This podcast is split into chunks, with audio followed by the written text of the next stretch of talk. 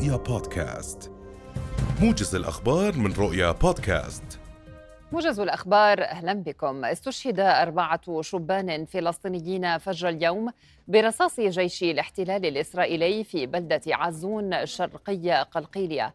واستشهد الشبان الأربعة خلال المواجهات التي اندلعت مع قوات الاحتلال الإسرائيلي عقب اقتحام الاحتلال البلدة وإطلاقه الرصاص الحية وقنابل الصوت والغاز السام المسيلة للدموع صوب الفلسطينيين. وقالت مصادر محلية إن قوة عسكرية كبيرة اقتحمت البلدة من محاور عدة حيث دارت اشتباكات ومواجهات عنيفة. استشهد وجرح عدد من الفلسطينيين بينهم أطفال ونساء ودمر العديد من المنازل والمنشآت فجر اليوم. جراء عدوان الاحتلال الإسرائيلي المتواصل على قطاع غزة لليوم الثامن والثمانين. وشهدت مناطق مختلفة من القطاع سلسلة غارات شنتها طائرات الاحتلال بالإضافة إلى قصف مدفعي ألحق أضرارا كبيرة. وشهد شمال مخيم المغازي وسط القطاع قصفا مدفعيا وأطلقت زوارق الاحتلال القذائف بكثافة تجاه المحافظة الوسطى في قطاع غزة. وشنت طائرات الاحتلال غارات عنيفة على وسط وشرقي مدينة خان يونس بينما قصفت المدفعية الأحياء الشمالية من المدينة جنوب القطاع. هذا وشهدت محاور التوغل شمال غزة اشتباكات عنيفة مع قوات الاحتلال بالتزامن مع قصف جوي ومدفعي مستمر. قال أبو عبيدة الناطق العسكري باسم كتائب القسام إن مقاتلي القسام تمكنوا في الأيام الأربعة الماضية من تدمير 71 آلية عسكرية كليا أو جزئيا وسط استمرار الاشتباكات في مختلف محاور قطاع غزة.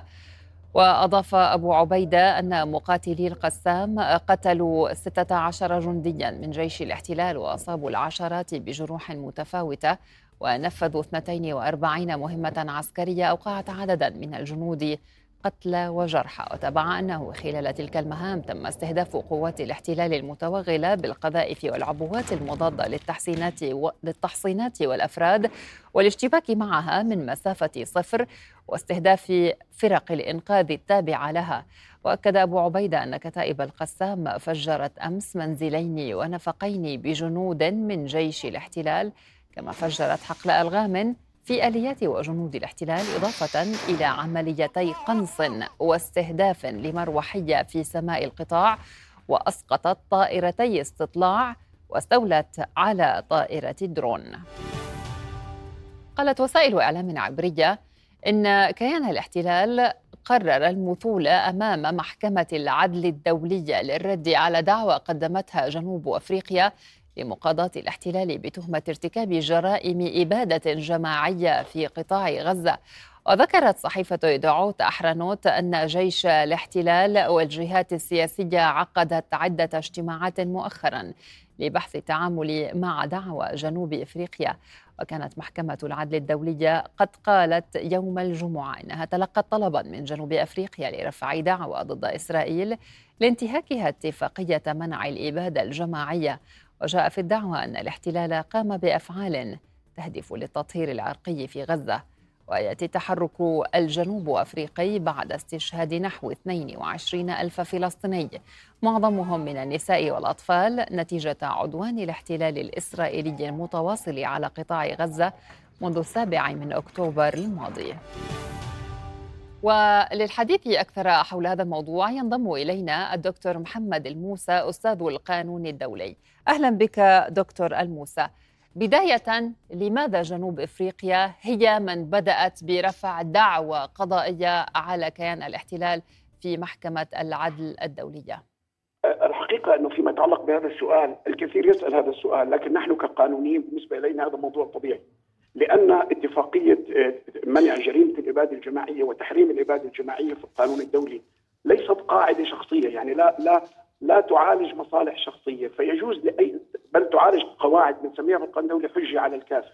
يعني أي دولة طرف بالاتفاقية لها مصلحة حتى لو لم تكن المتضرر المباشر بأن تحرك الدعوة. وهذه ليست أول مرة. هناك سوابق بالاستناد إلى نفس الاتفاقية.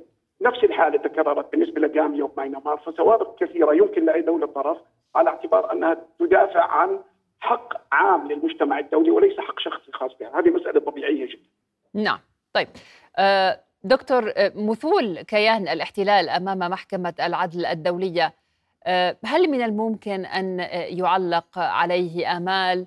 يعني هل سينجح القانون الآن في وقت فشلت فيه الدبلوماسية؟ سؤال جيد لكن اسمحي لي حتى أستطيع أن أجيب على هذا السؤال. يجب أن أفرق في التقرير أو في الخبر.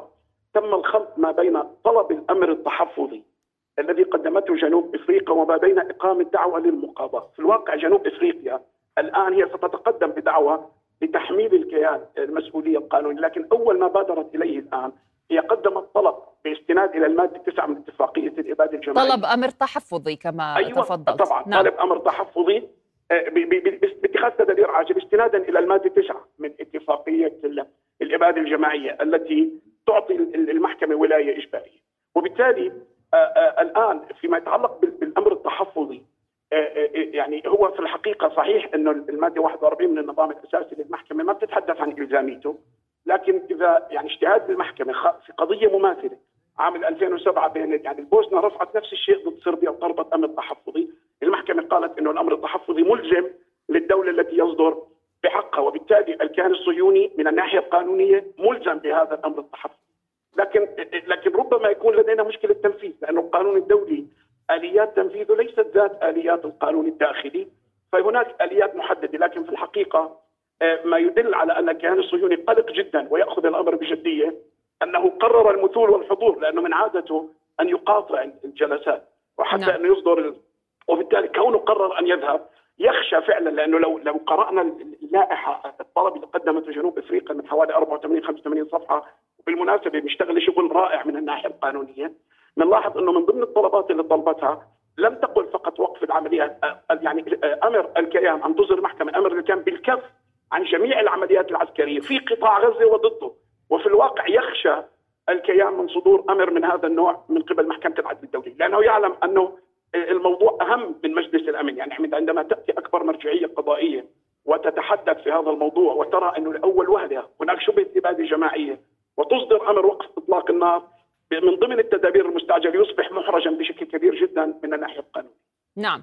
طيب دكتور هل من الممكن أن تحظو دول أخرى حذو دولة جنوب أفريقيا وتقوم بنفس هذا الإجراء هل يعني من الممكن رفع آه، آه، أو طلب أمر تحفظي وربما في المستقبل جيد. رفع دعوة هل من الممكن أن طبعا. طبعا. يزيد من الضغط على هذا الكيان؟ طبعا جميع الدول الأطراف باتفاقية تحريم جريمة الإبادة الجماعية ومنعها يمكن لها يمكن لدول عربية كالأردن ومصر أو غيرها أن تتقدم بذلك بل حتى جنوب إفريقيا يمكن لها آه، آه، إذا مثلا يمكن للدولة أن تسحب وأن تعيد تقديمه نعم وأنا في الحقيقة أرى إنه من الضروري في الحقيقة طبعا هو هو من الناحية القانونية لا يضيف تمام نعم. لكن من ناحيه الضغط كما قلتي يعطي أن هناك ديترمينيشن أن هناك إرادة قطعية وعزم لدى الدول الأطراف باتفاقية تحريم إبادة الجماعيه بمساءلة الكيان عن سلوكه، طبعا يمكن لأي دولة أخرى أن تتقدم في سوابق هذا ترى أن تتقدم أيضا نعم. بذات الطرف.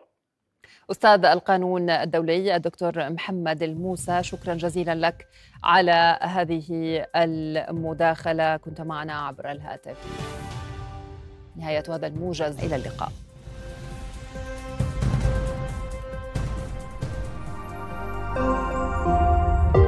رؤيا بودكاست.